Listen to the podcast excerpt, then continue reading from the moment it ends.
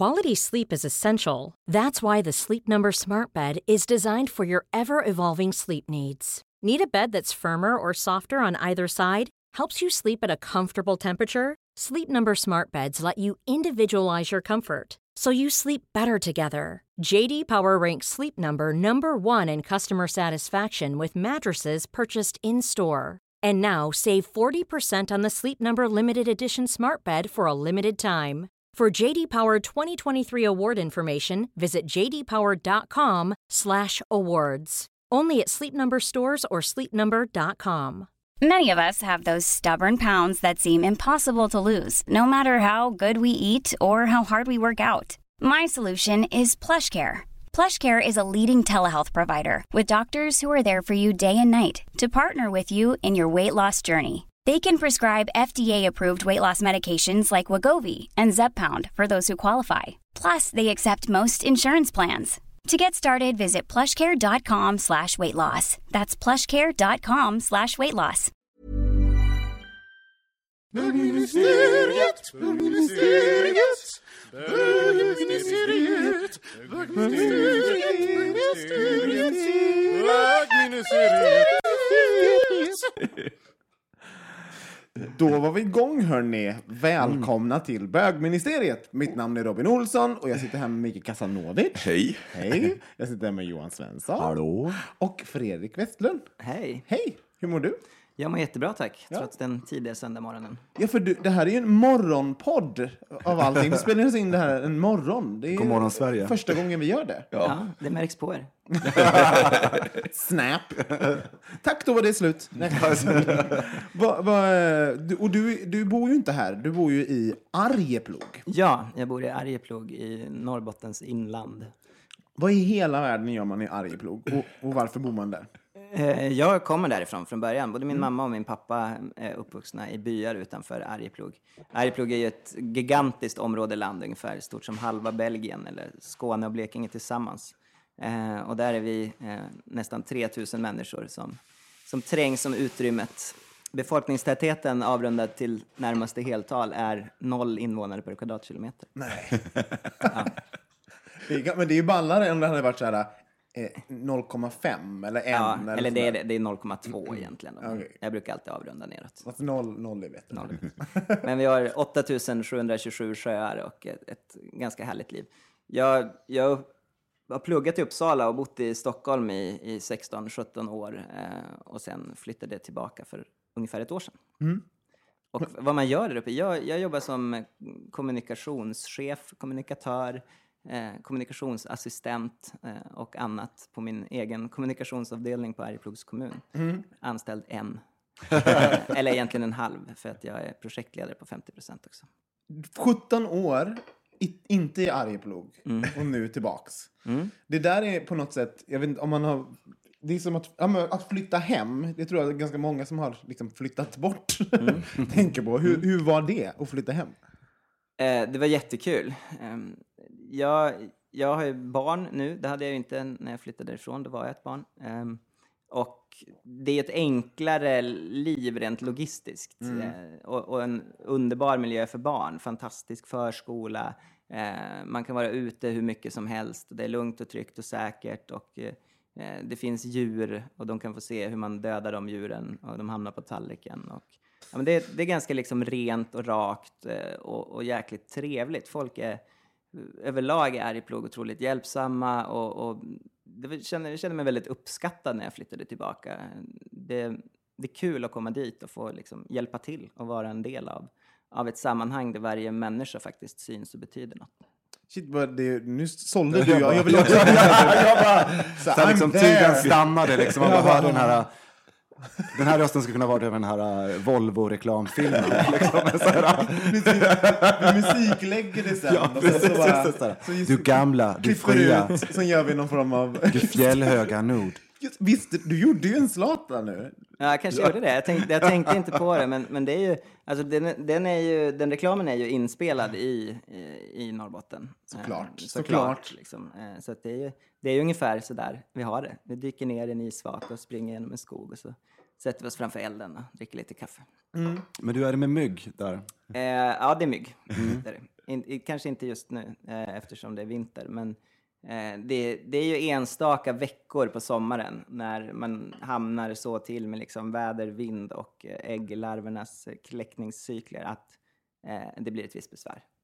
Vad, vad innebär det? Det, där vill du utveckla. Ett visst besvär. Nej, alltså det är inte så farligt. Det är några, det är några dagar man är ute och klipper gräset eller någonting och får slåss mot miljoner mygg. Och sen, men sen beror det på var man är. Är man på en myrmark mellan två sjöar, ja då är det sannolikt att man får en del myggbett. Liksom. Men om man är, kommer lite högre upp på fjället där det blåser eller om man håller sig i solen en bra dag, då, då är det verkligen ingen fara. Min inre bild nu säger att, att, eh, du, nu, att du hanterar det här på ett norrländskt vis. Att det är inte så farligt. Och sen så ser jag det där på sommaren, liksom, hur du bara står i en... Allt, allt är grått som ett dis av mygg som liksom bara kalasar på din kropp. Ja, medan men du, jag har hört någon här myt om att man går, ut och, man går ut och lägger sig den här första perioden och så låter man mygg bara bita en i hela kroppen så blir man immun resten av sommaren. Just det, jag har också hört Är det. det en sån här isbjörn på gatan Ja. från amerikanskt Ja, perspektiv? det skulle jag nog säga. Jag har sett fler isbjörnar på gatorna än nakna människor som, som har lagt sig mot, mot ett träd för att bli uppäten av myggen i början på sommaren. Det är väl, egentligen är det, så här, det är ju inte sticken eller att det kliar lite som, som kanske irriterar folk, utan det är bara det här surret, närvaron av mygg i ditt sovrum när du försöker somna. Jag har, hört, jag har hört att de använder samma metod i Berlin för att inte få HIV. Att de bara går ut och lägger sig eh, på, på sexklubbar så får alla ligga med en första kvällen. Och sen så eh, då, då har man liksom blir fått som allting. som ett vaccin. Och sen blir man immun emot eh, alla könssjukdomar. Det, det, låter som en eh, mytbildning ungefär lika hälsosam som den sydafrikanska. Ja, ja, det, Jag precis. tror, jag tror inte riktigt att den Ska vi stanna här? Men om vi ändå pratar könssjukdomar och säkert sex som vi Hur säkert ser det ut i Arjeplog? Statistiken i Arjeplog. Statistiken i Arjeplog. Nej, jag vet inte. Men, men jag kan i alla fall bjuda på, befria er genom att tillfredsställa några fördomar. Säga att eh, om jag skulle behöva testa mig mot en könssjukdom i Arjeplog, då, då är den person på vårdcentralen som jag måste gå till är samma person som är mina barns BVC-sköterska som, alltså, som, jag, som jag går till för att se till att barnen utvecklas som de ska. Och det är dessutom min kusins fru. Så att vi, skulle kunna, eh, vi kan hinna med många ärenden. Vet du, så- Sen kommer det upp liksom ett anslag på torget så hela samhället kan gå och läsa. Nej, det tror jag inte. Nej, det, men det är så när man jobbar i små kommuner, folk måste ju vara väldigt professionella också. För man måste hålla isär sina roller, man håller ju naturligtvis stenhårt Fredrik har fått flatlöss. Men jag, jag, jag kan tänka mig att man, det är ganska många som, som tar skoten till närmaste ort och stoppar fram, det kanske man inte gör, eller en bil eller vad man gör, vad, ni gör där uppe. Flyger, rullar. Det beror på hur långt man ska. Alltså, de allra flesta har ju bil, naturligtvis. Eh, Vi har asfalterade vägar en, mycket El? fungerande el. Eh, ja, i tätorten absolut. I, I byarna är det lite svajigt ibland. Vattenfall kanske inte... Jag tror inte de har superprioritet på elförsörjningen upp efter Silvervägen mot norska gränsen. Men Gud vad frustrerande det måste vara. Speciellt så här typ igår klockan åtta när jag ska kolla på Melodifestivalen om elen börjar svära. Fast i Arjeplog, då bryr man sig inte om Jo, men folk är ju vana. Alltså, det är klart, det är ett jättestort problem om man till exempel har en näringsverksamhet och inte kan ta betalt för att kortläsaren är död eller eh, för att eh, frysarna förstörs på affären så att maten eh, går till spillo. Det, det, på så sätt är det ett stort problem. Eh, och hus, vattenledningar och sånt kan ju frysa sönder om värmeförsörjningen viker sig. Men, men själva människan är ju van. Liksom. Folk har pannlampor som hänger på krokar på väggarna och man kanske har en järnspis som man kan göra upp eld i för att hålla värmen och sådär. Så det låter, jag får ju bara upp romantiska bilder, att det här är jättemysigt. Men det är samma, jag hade samma relation till Ulfs stuga, min pojkväns stuga, när, när, innan jag åkte ut. Liksom, så här, ah, det finns ingen toalett och det är lite ruralt. Så, Åh, vad mysigt tänkte jag. Och sen så bara äh, springer jag runt, liksom, han får plocka liksom, mygg och alltså, så här, fästingar och spindlar. Och, men, men jag tror Ja, verkligen vi, att det är ju, vi, vi har ju de grund, vi, vi har ju en bra infrastruktur. Vi har ju bredband och, och Ja, eh, förstår avloppsnät och sådär. Så det, förstår det. det är ett högst civiliserat liv och, och eftersom folk inte behöver lägga så mycket pengar på eh, dyra lägenheter och, och ett eh, blomstrande uteliv så, så har ju folk eh, bra grejer helt enkelt. Folk Vad, har, vad gör man då? När man inte har ett blomstrande uteliv till exempel, som, som jag kan tänk, säga så här, det är det enda jag spenderar pengar på, det är typ mat och sprit. Mm. Ja, men det syns ju på dig. Alltså just nu, du kan bara suga på en arm så skulle du få hela din näringscykel försörjd. Inklusive alkohol. Ja, gud, det är bara att suga på. Jag ska säga, det? det, uteliv som finns på sådana här orter är ju ofta väldigt, väldigt roligt. För att eh, det är inte varje dag, varje kväll och ett stort utbud där, där allting kan liksom smälta ut eller rinna ihop i små eh, subkulturella klickar. Utan man vet att liksom, ja, men på lördag då går vi till Silverhatten och då går alla till Silverhatten och då träffar man alla man känner.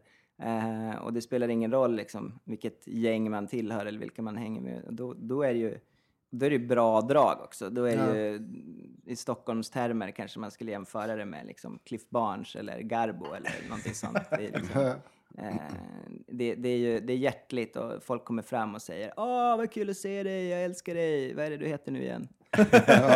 det är jättekul. Men det där är min uppfattning också kring eh, landsbygden i och med att jag växte upp i Dalarna, i Mora, att just när det blir ett samhälle som blir lite mindre så får man den där sammanhållningen. Men så fort det blir den här lite mindre storstaden, Mm. då får man den här trista landsortsmentaliteten som funkar på ett annat sätt. Här låter- där i mindre byar. Så är det ju, ja. tycker jag. Nu, nu ska jag inte nödvändigtvis eh, hänga ut och bärsa andra norrländska orter, men, men jag, till Gör det. exempel Arvidsjaur, Piteå, Skellefteå. Det är ju den här jobbiga mellanstorleken, tycker jag. Ja, men det är det jag är, menar. Jag är ju hellre i Arjeplog eller Stockholm. Liksom. Allt däremellan eh, känns ganska Då är vi trist. överens helt enkelt. Men jag tänkte när du flyttade upp, det, är- det är inte så att man det är byggarboom där uppe så att man bygger en massa nya hus. Eh, köpte du, var det någon som hade flyttat ut eller var, hur, hur löste man boendet? Eh, ja, det är ju ättestupa. Man tar den äldsta.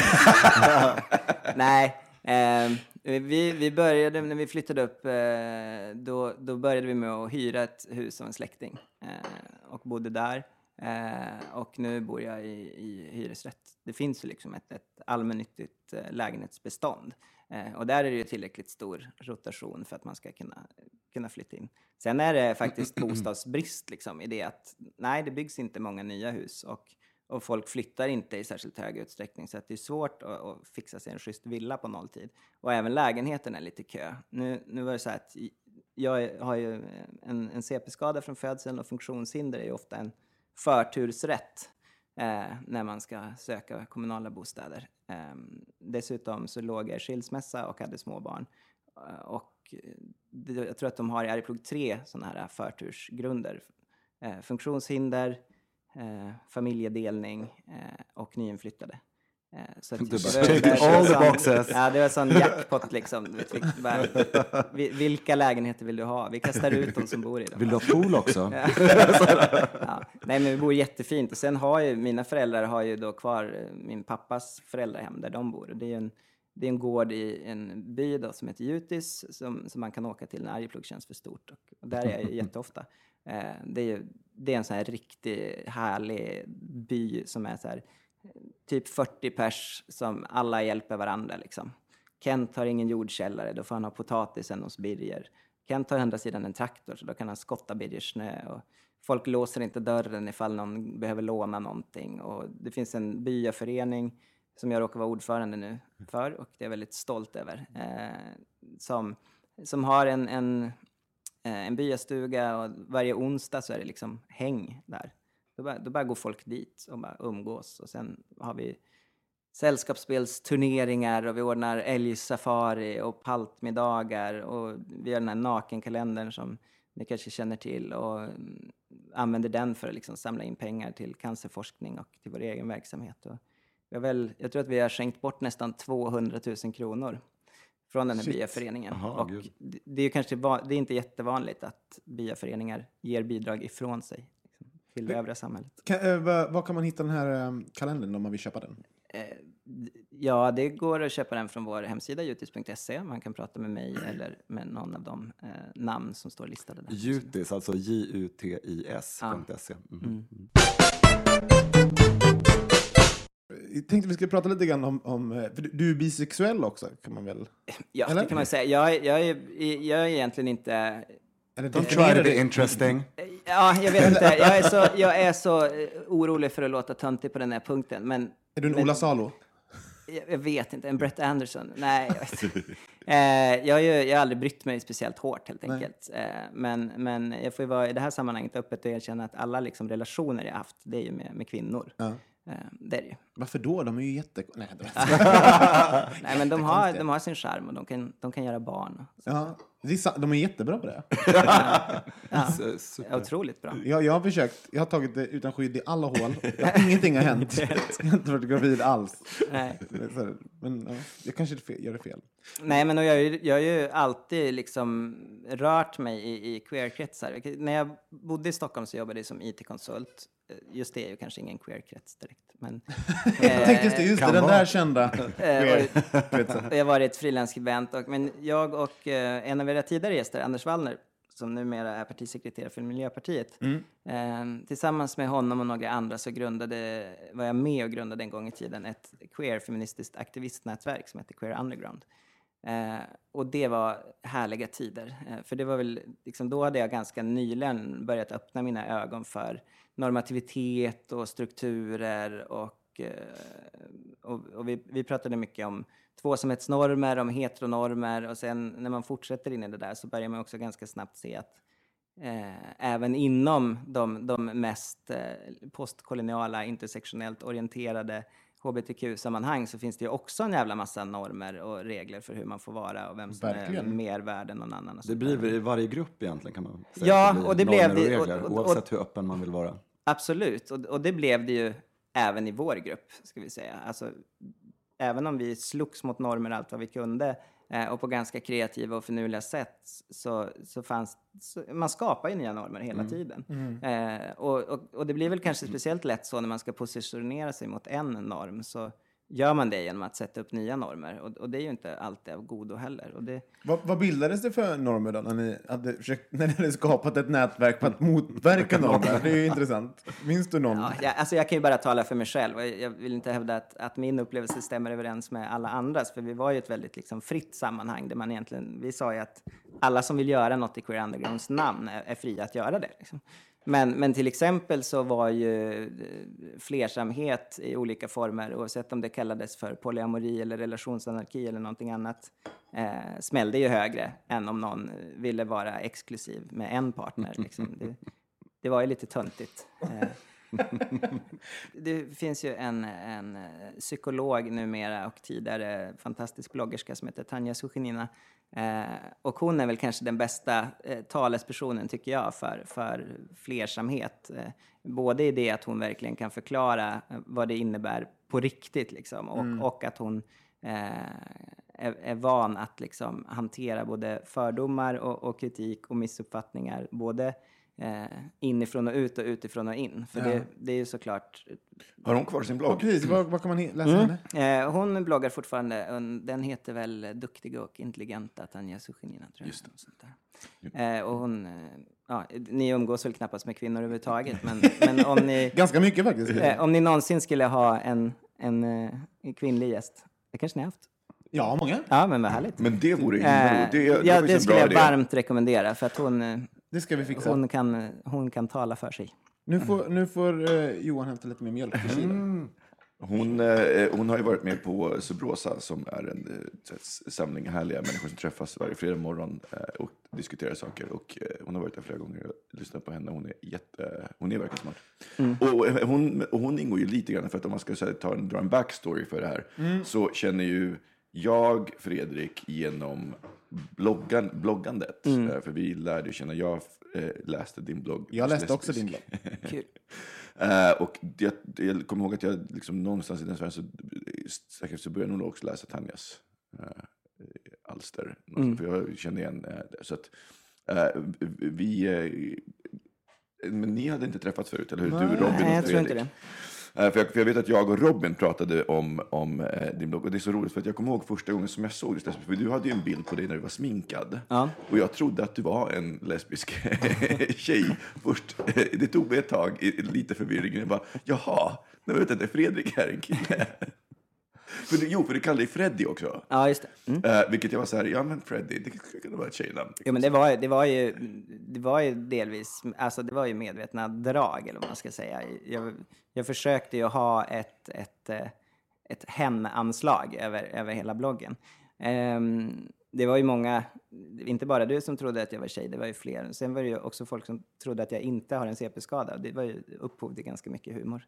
En tjej som, vi behöver inte säga vad hon heter, vi kan kalla henne Sissi, eh, hamnade i en hetsk kommentarsdebatt med mig på den bloggen. Jag, hade, jag gjorde eh, en landskapsfunktionshinder. Eh, det, jag, upptäckte att, jag upptäckte nämligen att det fanns liksom, det finns landskapsdjur, landskapsäpplen, landskapssvampar, landskapsväxter, landskapsstjärnbilder, landskapsmineraler och så vidare.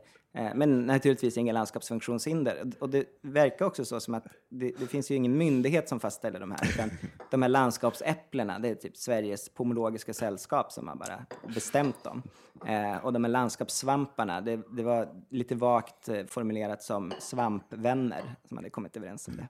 Eh, så att jag tänkte, ja men då är det ju fritt fram, då gör jag landskapsfunktionshinder. Så gjorde jag det. Och så motiverade jag Eh, jag tog då eh, CP-skador på, som mitt eget då, landskap. Och, eh, eh, och då skrev hon en kommentar om att liksom, nu måste jag vara tråkig och säga ifrån. Eh, folk med CP-skador möts av väldigt mycket fördomar och, och, och diskriminering. Och, och jag har följt din blogg en tid och, det- och det finns ingenting i den som tyder på att du faktiskt skulle ha en CP-skada.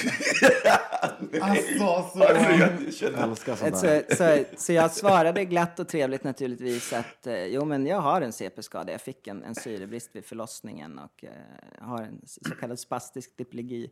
Och av ren nyfikenhet måste jag få fråga vad i bloggen är det som inte tyder på det? Är det att jag uttrycker mig i hela meningar? Att jag verkar behärska svensk grammatik? Att, att jag både är rolig och smart? Så. Hon, hon var en god sport dock och kröp till korset och eh, sa att liksom, förlåt, jag inser naturligtvis att jag har gjort något alldeles fruktansvärt här och eh, liksom, verkligen fallit i min egen grop allting.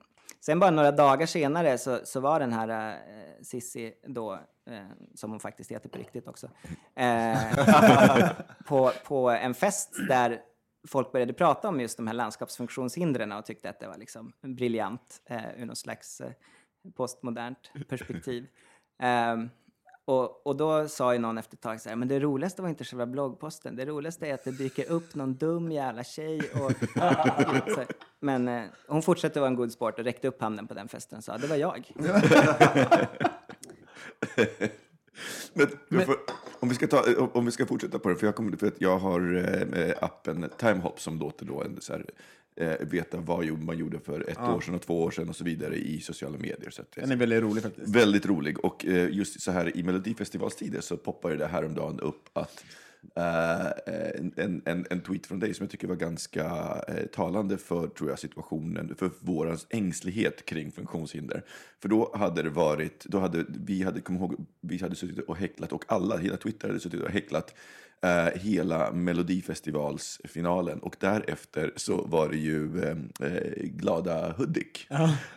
och då tystnar Twitter och var på Fredrik så här, ni hånar, ni, ni, ni hånar hela, hela eh, eh, Melodifestivalen men tystnar så fort det är, det är eh, några med funktionshandikapp på scen. Det är fördomsfullt om något. Liksom. Och jag bara, jag kände mig så träffad. Jo, men det, det är ju det. Jag, eh, jag jobbar ju mycket med humor. Jag är väl någon slags eller ideell komiker, eller vad man ska säga. Alltså jag, har ju, jag har ju sällan eller aldrig fått betalt för att vara rolig. Men, men jag försöker. Jag frilansskriver en hel del. Magasinet Neo, eh, tidningen Ångermanland, Örnsköldsvik Allehanda och lite sånt där. Och, och, och jag har alltid tänkt, även när jag bloggade, att om man, liksom, om man inte kan vara smartast eller roligast så kanske man kan försöka hitta liksom, den bästa kombinationen av, av att vara smart och rolig. Och, och jag skojar ju mycket med, med allt möjligt och jag har säkert gjort en del övertramp. Eh, en kompis uppmärksammade mig på att när jag, jag hade en session när jag var ofta var, jag var återkommande paneldeltagare i P3, först i Rond med Amanda Rydman och sen i Kvällspasset med Henrik Torehammar. Eh, där jag och eh, bland annat Helena Sandklef och Viktor Bernhards och Cecilia Hellgren och massa andra duktiga människor ehm, kommenterade aktuella händelser. Och då var den här skolskjutningen i Finland, om ni kommer ihåg, en sån här klassisk skolskjutning när eh, någon som naturligtvis har spelat tv-spel och lyssnat på, på Metallica var det i det här fallet, då, eh, går ut och skjuter sina klasskompisar och sen sig själv. Och så skulle vi diskutera liksom, om det var vapenlagar eller vad, vad problemet var. Eh, och då sa jag att jag, jag ville verkligen poängtera att tv-spelandet och musiken har ju naturligtvis ingenting med det här att göra. Fast det är klart, om jag fortfarande lyssnade på Metallica så skulle nog jag också ta livet av mig. Och det, och det var väl kanske två, tre dagar efter den här skolskjutningen och det, och det kanske är lite too soon. Liksom. Too, soon. Men, men det ligger någonting i att det man inte ens vågar skoja om, liksom, det, det har man antagligen några slags problem med hos sig själv. Eh, sen ska man ju naturligtvis vara jäkligt försiktig. Jag tycker Robert Gustafsson gjorde till exempel en helt bedrövlig grej med, med en karaktär som Samer. same här för någon vecka sedan. Liksom. Det funkade ju inte alls. Eh, det var ju bara vidrigt. Eh, och, och då måste man ju tänka sig lite för. Liksom. Om jag har tänkt skoja om, om ett folkslag som vi har eh, tvångsdeporterat och mätt huvuden på och behandlat som om det vore en lägre stående ras, liksom, då, då kanske jag måste vara extra smart om jag ska skoja om det här. Och det handlar ju om makt också. Alltså, Ja. Vilken makt sitter jag på som, när Ja. jag skojar om någon? Liksom? Och kan Ja, hur kan, kan de liksom- ge tillbaks eller ej? Alltså, såhär, sparka uppåt hellre neråt. Och, och Ja, så vidare. absolut. Och, och på så sätt så kan det väl vara smart att tänka lite längre om man ska skoja med Glada Hudik-teatern än, än om Sanna Nielsen. Men eh, om, om, det, om man blir helt tyst så säger det någonting också. Tror jag. Mm.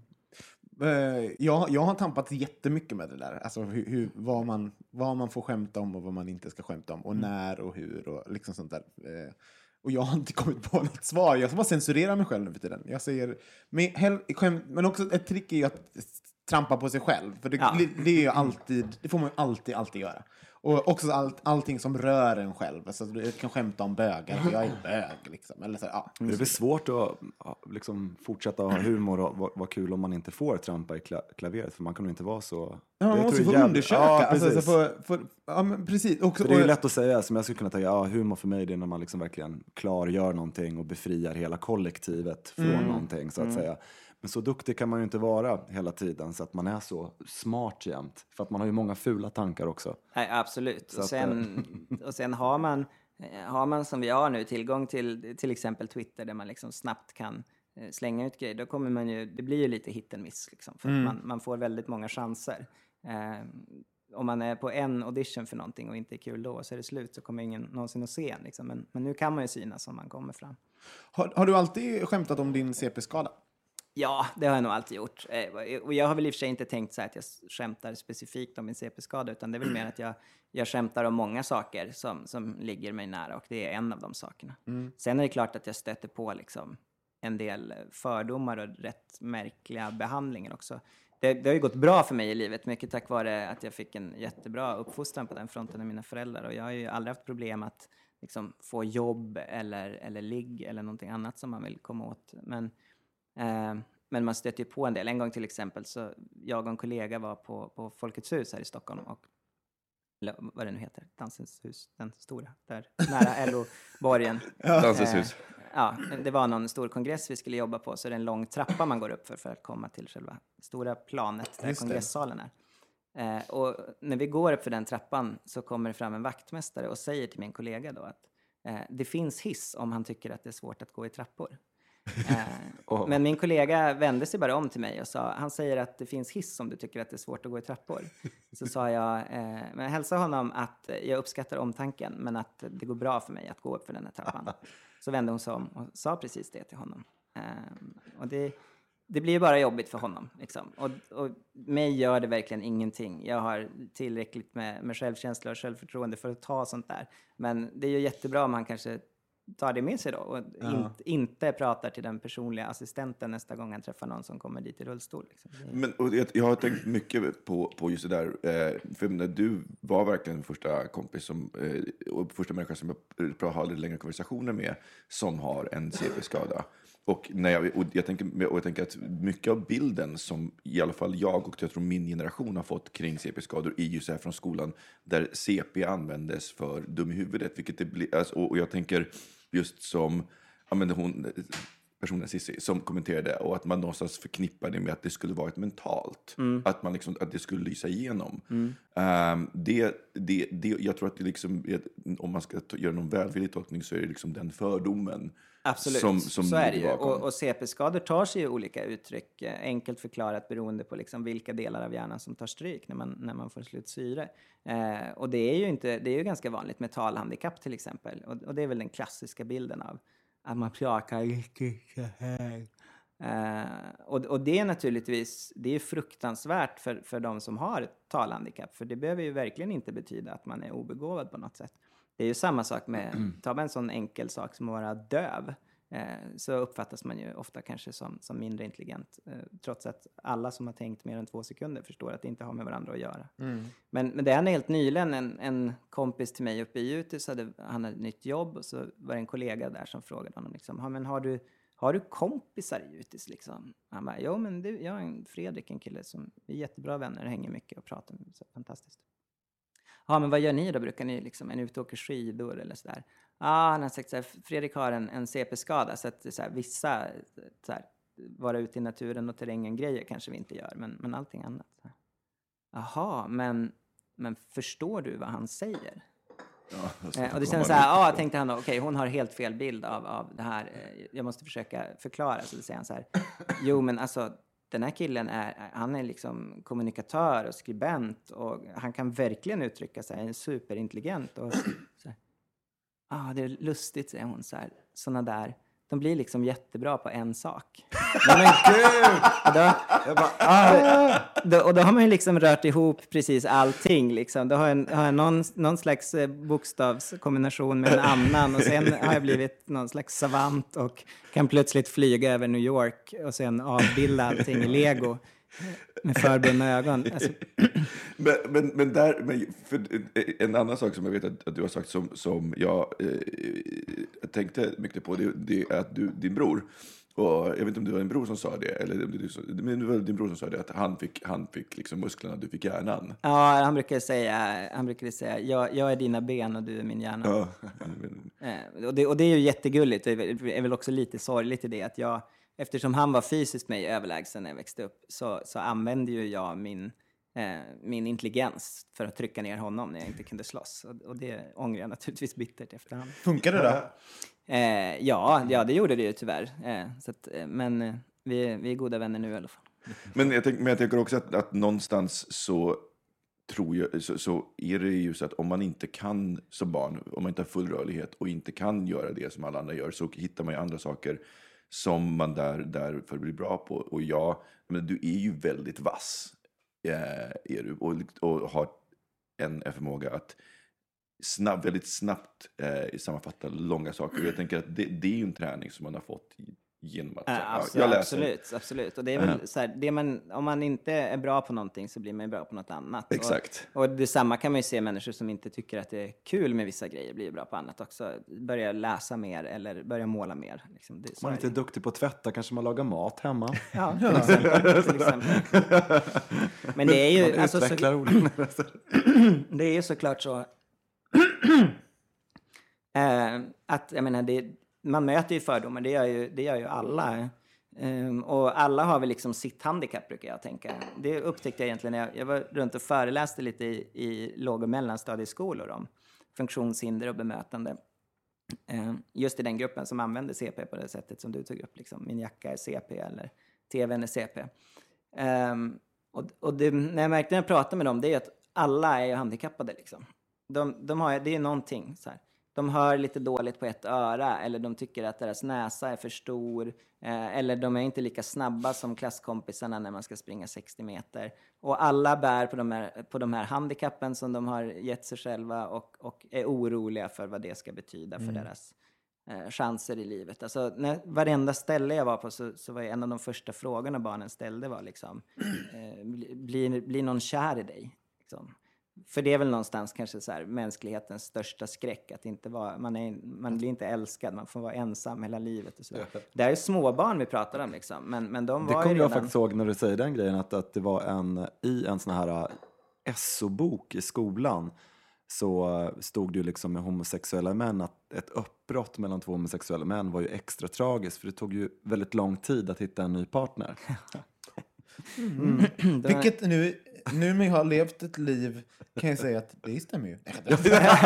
Nej, jag tror det, är nog, det är väl sådär, skillnaden på individuell nivå är större än i gruppen. Ja, ja men precis, exakt. Nej men det är, det är väl så här, det är väl det många oroar sig för. Jag vet, jag, jag har ju aldrig det är ju aldrig någon tjej som har sagt, eller kille för den delen, som har sagt till mig så här, hörru du, du är ju alldeles fantastisk, men på grund av att du går lite konstigt så vill inte jag eh, vara ihop med dig. Det har ju aldrig hänt. Men, men jag fattar ju naturligtvis att jag, precis som alla Millions of people have lost weight with personalized plans from Noom, like Evan, who can't stand salads and still lost 50 pounds. Salads, generally, for most people, are the easy button, right? For me, that wasn't an option. I never really was a salad guy. That's just not who I am. But Noom worked for me. Get your personalized plan today at Noom.com. Real Noom user compensated to provide their story. In four weeks, the typical Noom user can expect to lose one to two pounds per week. Individual results may vary. Here's a cool fact a crocodile can't stick out its tongue. Another cool fact you can get short term health insurance for a month or just under a year in some states. United Healthcare short term insurance plans are designed for people who are between jobs, coming off their parents' plan, or turning a side hustle into a full time gig. Underwritten by Golden Rule Insurance Company, they offer flexible, budget friendly coverage with access to a nationwide network of doctors and hospitals. Get more cool facts about United Healthcare short term plans at uh1.com. Many of us have those stubborn pounds that seem impossible to lose, no matter how good we eat or how hard we work out. My solution is PlushCare. PlushCare is a leading telehealth provider with doctors who are there for you day and night to partner with you in your weight loss journey. They can prescribe FDA-approved weight loss medications like Wagovi and Zepbound for those who qualify. Plus, they accept most insurance plans. To get started, visit plushcare.com slash weight loss. That's plushcare.com slash weight loss. andra har blivit bortvalda på olika kriterier och säkert är mitt handikapp ibland ett av dem. Eh, jag blev ihop med, med en eh, tjej på gymnasiet, eh, fantastisk tjej som heter Malin, eh, som jag var ihop med rätt- rätt länge. Och hon berättade tidigt i vårt förhållande att hon hade en klasskompis, vi kan väl hänga ut henne också, för Ja, straffa henne lite så här långt i efterhand, som heter Johanna. Punish that bitch. Efternamn, telefonnummer. Ja, just det. Vad heter hon i efternamn? Var, Ja, vi, var bor hon jag nu? vet faktiskt inte, men Johanna hette hon i alla fall. Hon, eh, som hade sagt liksom, gud jag fattar inte att du kan vara eh, ihop med honom liksom. Jag skulle skämmas om jag gick bredvid någon som... Och då, så här, ja, kan man det skulle man ju kunna bli jätteledsen över då och tänka, men herregud, och hur många andra tänker så. Men så här, tänker man ett varv till så är det så här, jag vill ju inte vara ihop med någon som, som har sådana tankar och värderingar om mig. Så ganska mycket har jag sen tänkt att, att ett funktionshinder fungerar nog mest som ett slags idiotfilter. Liksom. Ja. Eh, ja, jag har säkert missat många partners eh, eller potentiella arbetsgivare eller någonting annat. Men det är ju bara partners arbetsgivare jag inte har velat ha. Jag tror ju också att jag har fått en del eh, bonusligg liksom, tack vare mitt funktionshinder. Eh, i, I Stockholm, i liksom kretsarna kring eh, genusvetenskapen på, på Södertörn och på Stockholms universitet så har det ju tack och lov uppstått en ganska intressant diskurs kring liksom, intersektionalitet och kring funktionshinder och, och vart, vart de normerna och strukturerna går.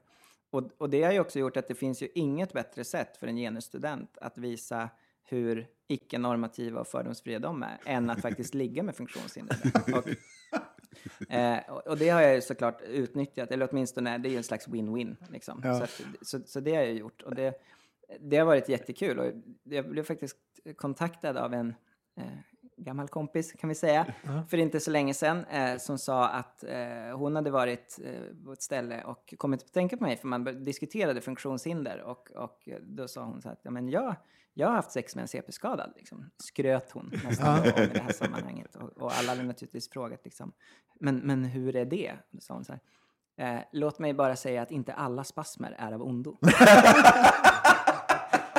eh, och det, det var inte en engångsgrej. Har du här första minnen när du kommer ihåg att du liksom blev speglad som annorlunda? Du pratar liksom från första gången du kände jag är inte som alla andra.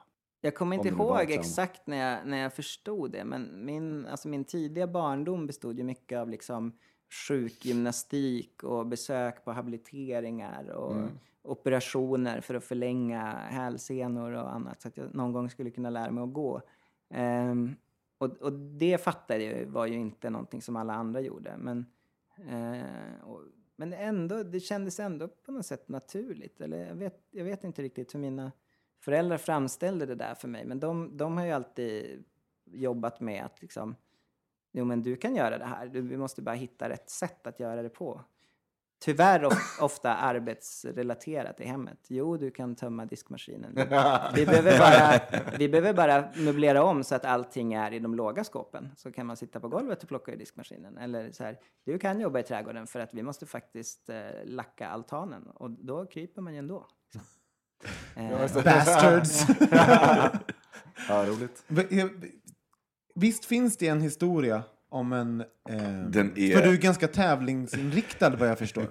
eh, ja. Och vet du vet, vet du Vad vad jag fiskar efter? Ja, jag tror att jag vet vad du fiskar. Är Alltså, jag, jag är väldigt tävlingsinriktad. Eh, och då, jag, jag, har nog, jag, jag tävlar väl alltid på något sätt mot mig själv eller i, i ett tv-spel. Eller liksom, jag, sån här gamification funkar ju skitbra på mig överhuvudtaget. Jag kan ju sitta och nöta eh, småspel på Playstation 4 för att komma upp i över 90% trophies. Liksom, och, eh, plocka 10 000 blommor, så plockar jag 10 000 blommor för att få den där trofén. Liksom. Eh, och, och, och så där var jag ju som barn också. Så jag, jag började handikappidrotta ganska tidigt. Eh, det var ju dessutom ett väldigt bra sätt att liksom, eh, ge mig motorik och styrka och rörelse och som kan liksom motverka funktionshindret. Så jag började... Eh, du är ju ute efter orienteringen antagligen. Eh, men jag började faktiskt som, som friidrottare.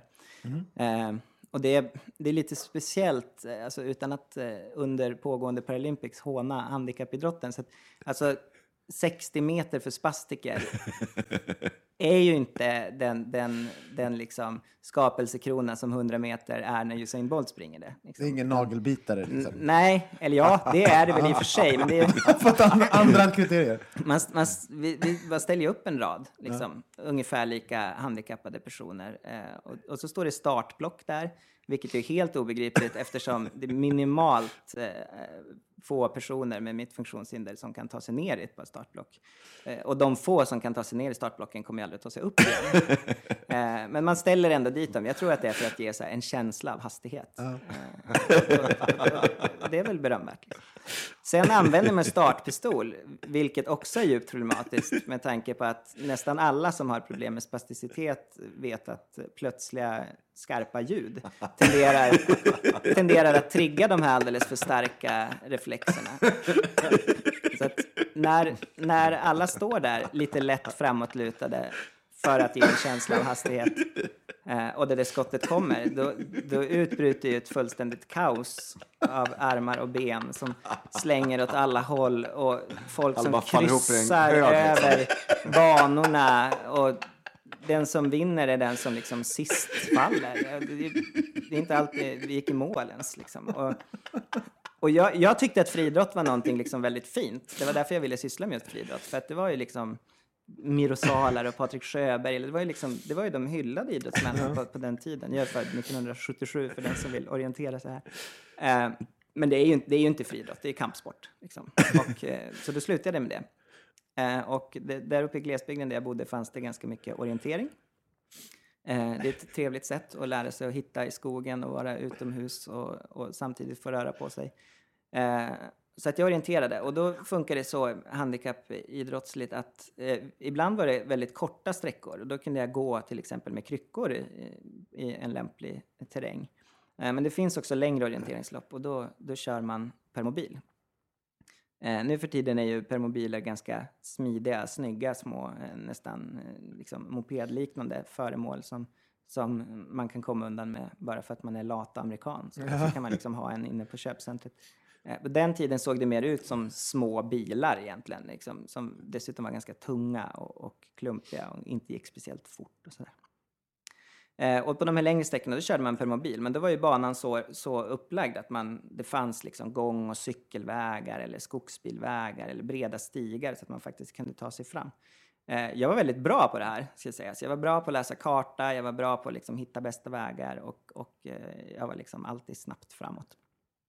Eh, en av eh, de första tävlingarna jag var med i var på Vitberget i Skellefteå som är en eh, ett berg med en slalombacke och så vid foten ligger en camping och eh, jag tog mig an den här banan och efter alla kontroller var hittade och stämplade så insåg jag att jag har liksom gått rakt på varenda kontroll. Jag måste ligga väldigt bra till. Jag kan nog vinna den här tävlingen.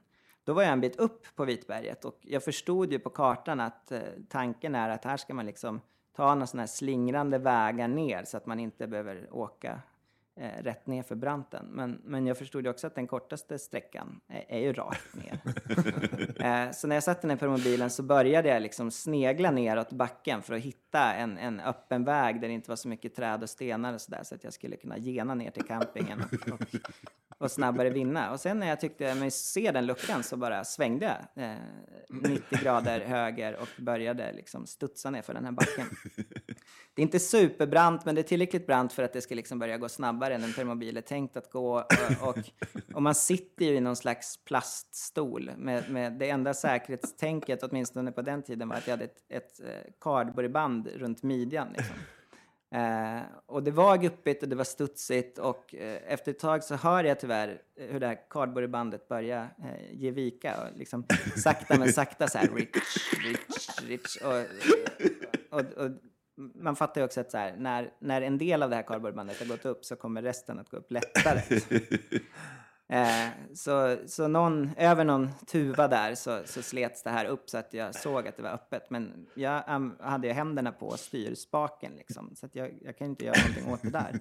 Eh, utan jag fick bara hoppas att det där skulle gå bra och, och det gjorde det inte. Utan, eh, vid någon, något tillfälle på banan så, så slog permobilen neråt och jag fortsatte uppåt och liksom flög ur den, tumlade ner för backen i någon slags eh, spastisk kullerbytta. Eh, ibland, ibland rullande över huvudet, ibland rullande över fötterna och i sidled.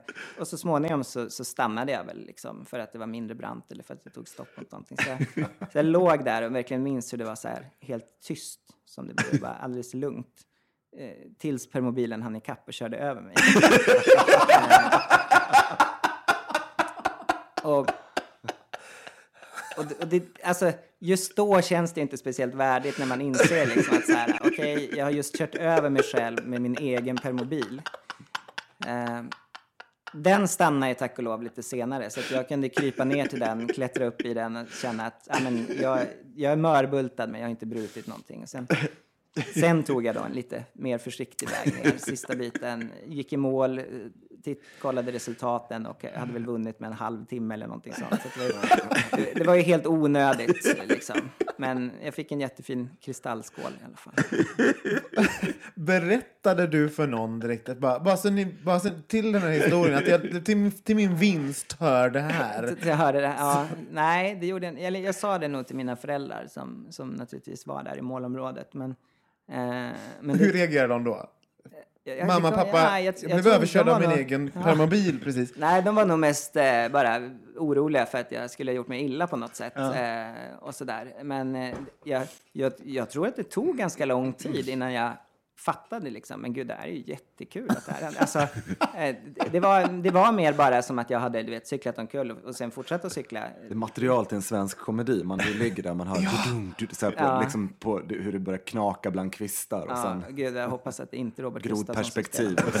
ja, precis. Det, jag, som jag älskar med den här historien är att, att det är eh, en sån eh, osannolik situation. Alltså, menar, det, är till och med, det skulle till och med vara svårt, och, alltså, det, det, det är svårt att göra hur som, alltså av vad som helst. Att få en bil, alltså att köra över den, det är liksom Ja. en o, Ja, egentligen det är en omöjlig svårt, sak Det är att svårt göra. att cykla över sig själv. Ja, det, det går inte. Jag tror jag skulle säga om, som boende i Arjeplog, det förekommer nog att man kör över sig själv med sin egen skoter. Det kan hända. Liksom. För att om man, om man kör i brant terräng och, och ramlar av, då kommer ju skotern farande. Liksom. Ja. Och då finns det en risk att den passerar den position där man själv befinner sig på. Så, men det är klart, det är nog Men då dör man väl, eller? Nej, det, är ju, det behöver man ju inte göra. Det är ju djupsnö och sådär. Så att det är kanske mer att man blir lite tilltryckt. Ja.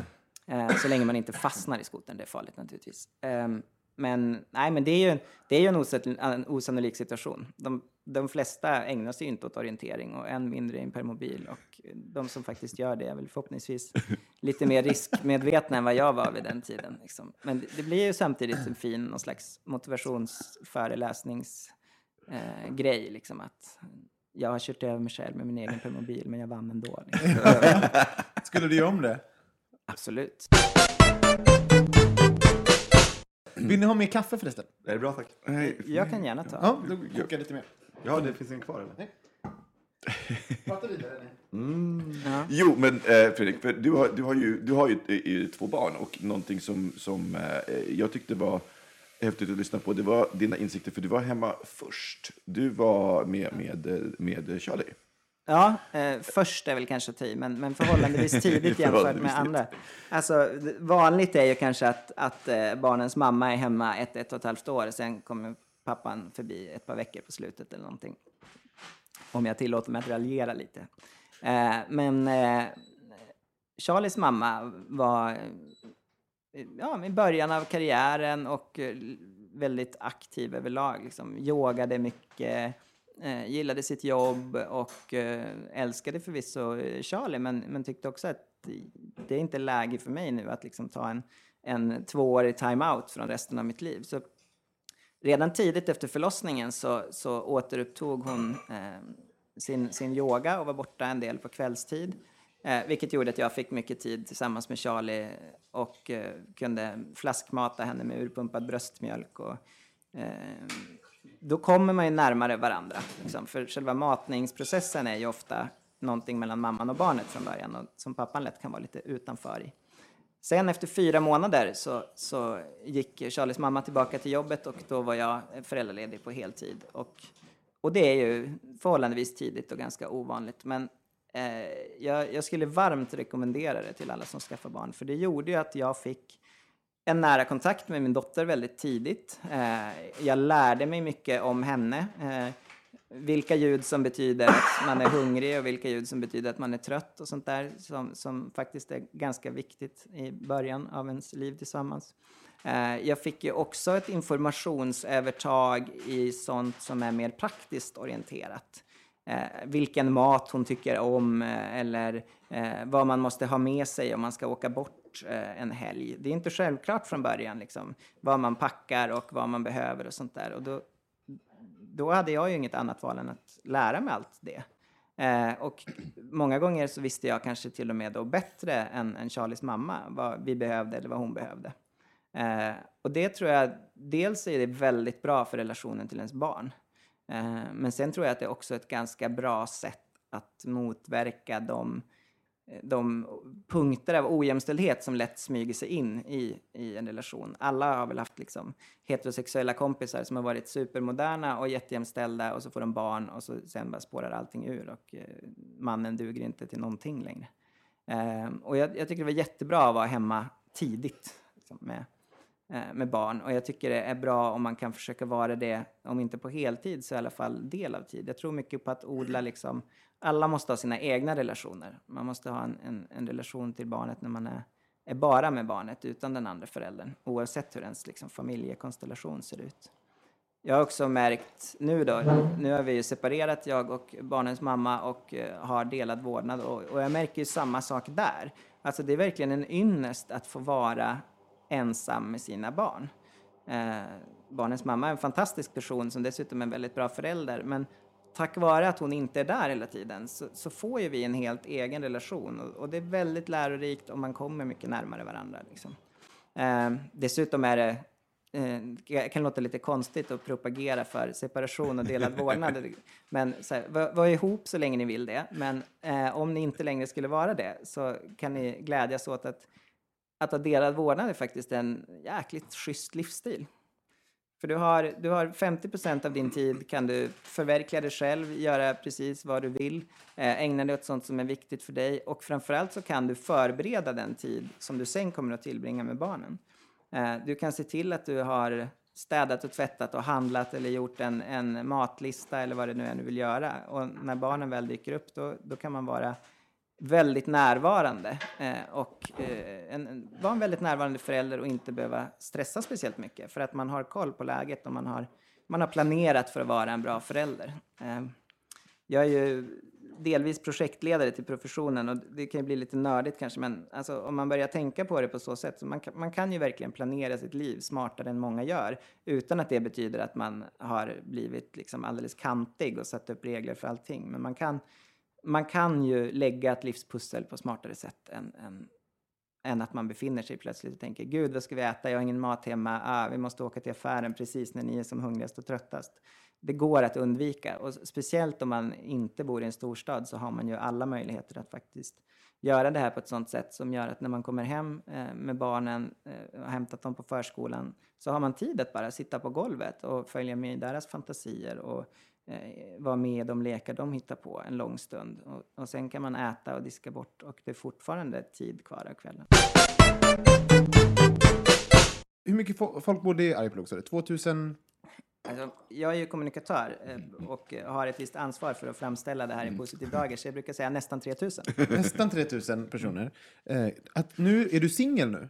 Är väl en, Ja, det kan man väl säga. Kan man väl säga. Ja. Up for grabs. Up for grabs. Ja, det kan ni höra av er. 073. Ja, precis. Vi, vi eh, sköter kontakten mellan våra lyssnare. Och det. Men jag undrar, hur, hur funkar dejtandet i, i Arjeplog? Det, det- ja, det är en jättebra fråga. Alltså, det är, ehm, jag, alltså, nu har ju inte jag haft jättebråttom ut på banan. En, en, eh, för mig, jag är ganska känslomässigt orienterad och för mig är en separation en ganska uppslitande process. Tönt. Eh, det, där jag, det tar tid för mig att eh, få ordning på mina känslor igen och eh, att fatta bra beslut och vara en schysst kille och sånt där. Eh, så jag har, inte, jag har inte kastat mig ut i den lokala dejtingscenen men, men man, alltså, det är klart att det, det är ett potentiellt problem för mig. Alltså, det Men kan vi inte vara- träffa en kille nu som blir lite Brokeback Mountain där uppe? Vi kan skriva någon egen bok och vi spelar in en film här. Absolut. Alltså, Ja. det, det, finns ju, det finns ju homosexuella män i Arjeplog. Det gör det ju såklart, som i alla andra samhällen. Men, men det finns ju inte kanske samma gay-scen som i Berlin eller San Francisco. Det, eh, det kan man väl säga. Och, men, och, och det finns ju inte så många personer. Alltså, om man börjar där, liksom, av de här 3000 så är ju kanske några är ju för gamla och några är för unga. Eh, några är väldigt upptagna eh, redan av andra. Och jag ligger väl kanske lite dåligt i timing där i, i meningen att jag är liksom 36 år och eh, alla mina jämnåriga är ju någon slags... Old for the young, Ja, too young precis. for the old. Ja, men och alla andra är liksom i familjebildande period. Och, eh, Du kan ha en pop-up-klubb i en tipi ute i skogen. Ja, det skulle jag kunna ha. Men, jag, alltså, jag vet, det jag inser är att det är att kasta sten i glashus, men sen så är det ju ofta så här att folk som är singlar är det av en anledning. Liksom. Och det där är Eh. den hårdaste domen egentligen. Det är så jävla, jag älskar den för det är liksom verkligen det. Men det, sen, alltså, sen är det också socialt är det naturligtvis, eh, menar, alla vet ju vad man gör, såklart. Eh, det är svårt att liksom, ja men vi, vi bara dejtar lite grann eller vi får se hur det blir. Så här, för det blir ju en affär för hela, hela communityt såklart. Så från början åtminstone så hade jag någon slags eh, så här, ja men jag, jag ska en, jag, en, jag skaffar mig själv en radie på eh, 175 kilometer och så alla, allt eventuellt dejtande och annat kärleksliv sköter jag utanför det. Liksom. Jag, kan, jag kan träffa folk i Stockholm eller Luleå eller Älvsbyn men inte närmare än så. Eh, sen har jag på förekommande anledning minskat den radien lite för att Arvidsjaur skulle hamna utanför den. Så nu är det bara eh, 89 kilometer. Varför just Arvidsjaur? Nej, men det finns, eh, det finns, eh, det fanns bättre personer i Arvidsjaur än jag hade väntat mig. Liksom. Ah, det, det är ju ett skitställe egentligen, Arvidsjaur. Men det, Vad betyder ett skitställe? alltså, Varför? jag brukar säga så här om Arvidsjaur att det enda de har som, som inte vi har, det, det är ett vackert samhälle bara nio mil bort. Jag älskar de här byfejderna, för Ja. det här känner jag också alltså, igen. det- Det är så här, liksom så här, Det är ju, det, men det är ju mycket, en- det är ju en slags pose. Alltså Arvidsjaur och Arjeplog har ju jättemycket gemensamt naturligtvis. Vi, vi har en, en, delar ju industrier mellan oss och sånt där. Och, och Det är som Göteborg och Stockholm. Det är bara, det är bara men, ja, men vi har ju samma utmaningar och, och möjligheter och ett jättebra samarbete mellan varandra. Men det, det är ju det är kul att ranta lite och tjafsa Mm. liksom, med, med, med grannstaden sådär. Eh, men, men ja, nej, men så om någon i Arvidsjaur är intresserad så, Så, då är jag all ears. Men om du, eh, om du skulle ut och dejta nu, liksom, så var, var, var hittar du? Var hittar du folk? Är det på krogen? Hur, hur hittar man folk i... I- Alltså, det är väl precis som det är väl annars. Liksom. Det, är väl, det, är väl, eh, det är väl kollegor på jobbet, eh, kompisars kompisar och folk man springer på i- ute i livet. Eh, Fa- skillnaden är väl kanske att så här, du, du träffar ju kanske ingen okänd ute på Nej. Alltså, nu har vi, vi har ju ett, i och för sig då en, en ganska stor influx. Vi har ju så här biltestindustri eh, som, som kommer till oss på vintern för att testa låsningsfria bromsar, antispinnsystem, funkar den här motorn i minus 35, hur blir det egentligen? Alltså, vi, har ju vi har sjöar, vi har 8727 sjöar. Eh, ja, du har sagt det. Nej, jag vi har massor av is. Liksom. Eh, och, då, och, och där kan man testa bilar. Liksom. Så vi har en stor industri som betyder mycket för Arjeplog. Och då då dubblas ju folkmängden. Liksom. Det är 3000 ingenjörer som kommer dit. Eh, de allra flesta tyska män. Eh, Yay! På tal om Berlin. Liksom.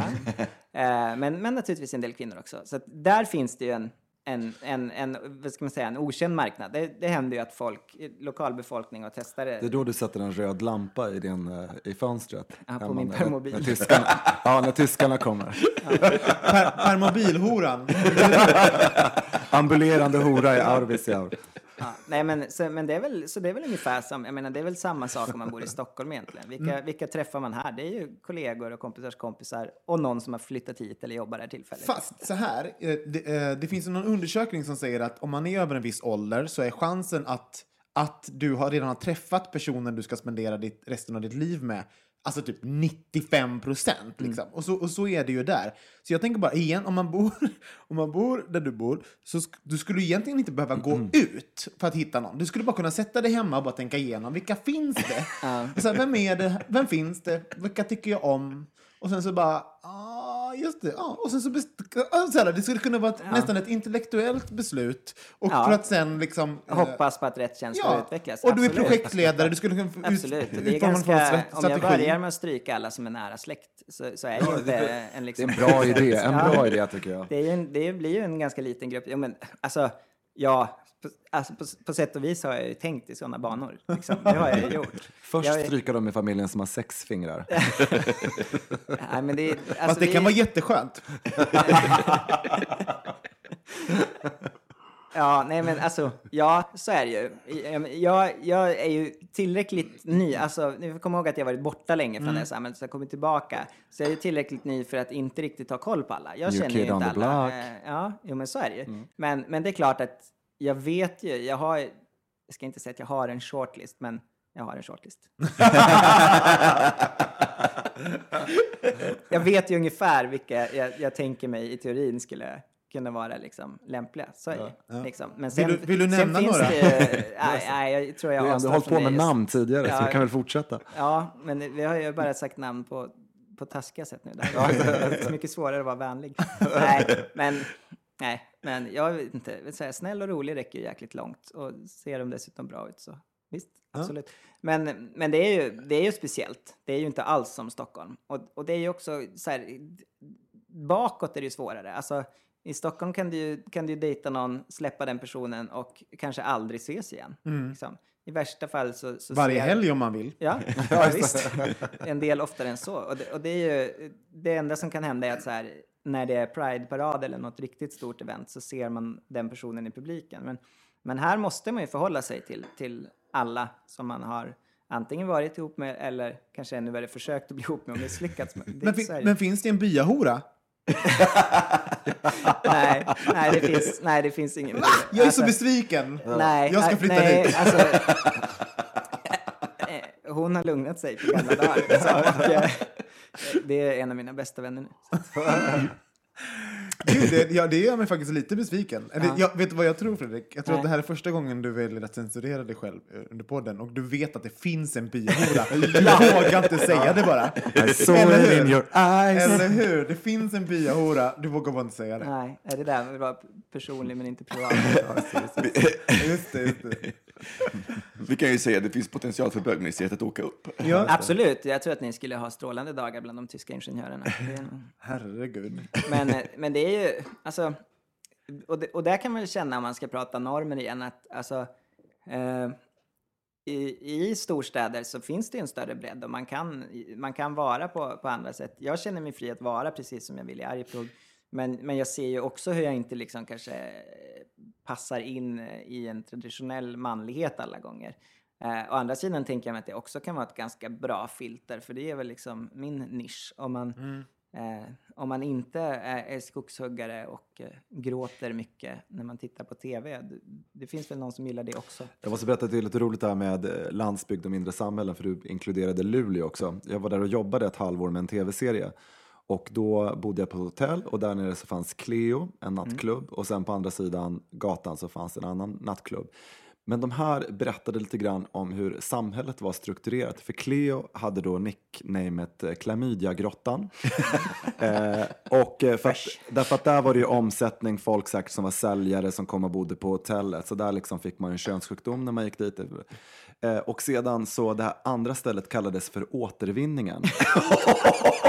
och, eh, och, och även om det här var lite skämtsamt så kan man ju säga att för då, då var det ju de som hade liksom skilts och säkert var kvar i stan och var ute på marknaden igen. Så då var det lite mognare klientel där. Så att jag tycker det, det delar in... Lagrad var det. Ja, men det del, delar in sexualiteten och det strukturerar också hur man ska vara. Du, är du lössläppt och inte är i den här kärnfamiljen och är singel för länge, ja då är du... Eh, då får du en könssjukdom för då går du på klamydiagrottan och hänger. Har du sen släppt kärnfamiljen och skilt dig, ja då hänger du på återvinningen. Det berättade mycket mer än liksom att man faktiskt skrattade till första gången och tyckte att det var roligt. Frågan är, vart valde du att gå Johan? Jag hängde på klamydiagrottan förstås. Alltså, och Luleå är ju ändå en, det är ju ändå en stad. Liksom. Ja. det, är, det, är, det, det är ju en stor stad med stora industrier. De, det är en akademi, akademisk stad. Ja, den har ju liksom. vuxit också. Ja, det har vuxit Absolut. mycket. Har ett tekniskt universitet som håller hög kvalitet. Eh, Där finns det ju liksom, där kan man ju shoppa snygga kläder och, eh, och, och utelivet är ju Ja, den har blivit ännu bättre än sen jag var där sist, för nu är det något kulturhus där och det är massa Absolut. grejer. Som, så det är, det är en fin stad tycker jag. Ja, det är ju, den, den, Luleå kommer undan tycker jag. Det är inte, de är tillräckligt Men den här stora. storyn gör att det inte riktigt kommer undan. Det finns Nej. en procentuell ja, del. En, ja. Åh herregud. Och nu ska du flyga tillbaks. Och, eh, ja, det ska jag göra. Jag får ju... Jag, får ju, Kallax. jag är ju här. Nej, jag flyger faktiskt till Arvidsjaur som har en liten flygplats. Ah. Eh, och det är bara... hur känns det att lämna Stockholm? När du har varit här ett tag och sen ska du åka hem igen? Vad får du för känslor? Alltså jag tycker att det är ganska skönt. Eh, Det är ju, jag är ju här ganska ofta. Jag har ofta tillfälle att åka hit. Antingen för att liksom träffa kompisar och gå på födelsedagskalas eller bröllop eller annat. Eh, Och, och jag har anledning att åka hit till jobbet ibland. Och det, det gör ju att liksom det som Arjeplog inte kan erbjuda, det finns ju ändå tillgängligt. Det, det tar inte lång tid att åka hit, det är inte speciellt dyrt. Eh, Jag kan vara här ungefär så mycket jag vill och, och, och det gör ju också att jag kan ha kvar många gamla vänner och uppdragsgivare och jag kan, jag kan komma hit och jobba och eh, ha jättekul. Så jag åker ofta härifrån väldigt glad för att då har jag haft en, en skitkul helg, träffat massa folk som jag tycker om, eh, gjort massa roliga saker, varit på roliga fester, passat på att köpa den där deodoranten som inte finns på Konsum i Arjeplog. Och, och den, sen, sen är jag tillbaka i, min, eh, i, min, i mitt lugna lantliv med mina barn som, som jag ju det är ju såklart liksom, det är ju det största i mitt liv. Jag är ju med dem eh, så mycket, alltså, Och även de är glada att du köpte den där deodoranten. äh, förhoppningsvis. förhoppningsvis ja, Pappa luktar absolut. gott. Nej, men och, och då, får jag, då får jag tillbringa tid med dem som jag har saknat. Det är så, alltså, man har småbarn, det är ju som att vara nyförälskad. Alltså, det fungerar ju likadant. Man, vet, man, man längtar, man undrar vad gör de nu? Man tänker, åh, hur ska jag kunna vara ifrån dig i två dagar? Det känns jättejobbigt. Eh, man hoppas att de ska smsa, sen kommer man på att de inte har någon mobil. Alltså, det, är ju, eh, det, är, det, är, det är precis som att vara förälskad, för mig i alla fall, att, att ha barn. Eh, och, och det är ju underbart. Det är, och då får man ju vara det förhoppningsvis rätt länge, för att de kommer ju leva längre Det var alltså inte ett ont måste att reproducera Nej, Nej. nej. som du föll in i. Nej, in. nej, jag är jätteglad att, eh, att jag skaffade barn när jag gjorde det och med den person jag gjorde det med. Och, Eh, det är fantastiska ungar, det tycker väl alla om sina egna barn, men, men det är verkligen det är en stor del av mitt liv och jag är väldigt glad att det är en stor del av mitt liv. Vi rundar av där. Ja. Vad fina ord tyckte jag, att det slutar på en upnote med kärlek eh, till sina barn. Tack för att du kom Fredrik. Tack för att jag fick vara här. Gud vad roligt. Alltså, jag har inte skrattat så här mycket i något i något program. Jag, känner, jag är nästan Det var helt... nästan lite Det opassande Micke. Ja. Nu vill klippa bort alla skratt sen. Det är så det blir så här dålig stämning. Jag, jag berättar någonting roligt och ni säger ingenting. Det var dödstyst. Så, Mickes, Mickes mikrofon har varit avstängd hela tiden. Men ehm, om man vill följa dig på eh, sociala medier eller bloggar och så vidare, var hittar man det då? Ja, eh, mitt eh, favorit eh, sociala medier är väl Twitter och det är väl ett bra ställe att börja på. Där heter jag Fredrik W i ett ord. Och eh, dig kan man följa på Instagram, at setdesignerjohan. Och Exactly. du heter at Kasanovic på Instagram och Twitter och det gör du med. Och jag heter Ja. Olsson Robin på allt möjligt. Ja, p- puss och kram hörni! Ja, puss och kram. Och och. Vi, vi måste också säga, vänta, en sak. Tack så jättemycket alla som lyssnar eh, på oss. Vi har ju eh, börjat växa något så det knakar den här eh, härliga podden, vilket vi är superglada för. Herregud, häromdagen så låg vi över värvet på iTunes. En applåd! Det var i cirka en sekund vi låg över värve- värvet, men ändå, det var ju eh, mäkta eh, stort för oss ändå, måste jag säga. Så tack all, allihopa som lyssnar och är eh, lojala. Och följer oss på ehm, eh, Soundcloud kan man trycka följ, men och, och sen så ska ni framförallt rate oss på iTunes. Då blir vi glada. Puss och kram! Puss och kram, hej då! Hej, hej! Hej, hej. Bögministeriet, bögministeriet, bögministeriet, bögministeriet.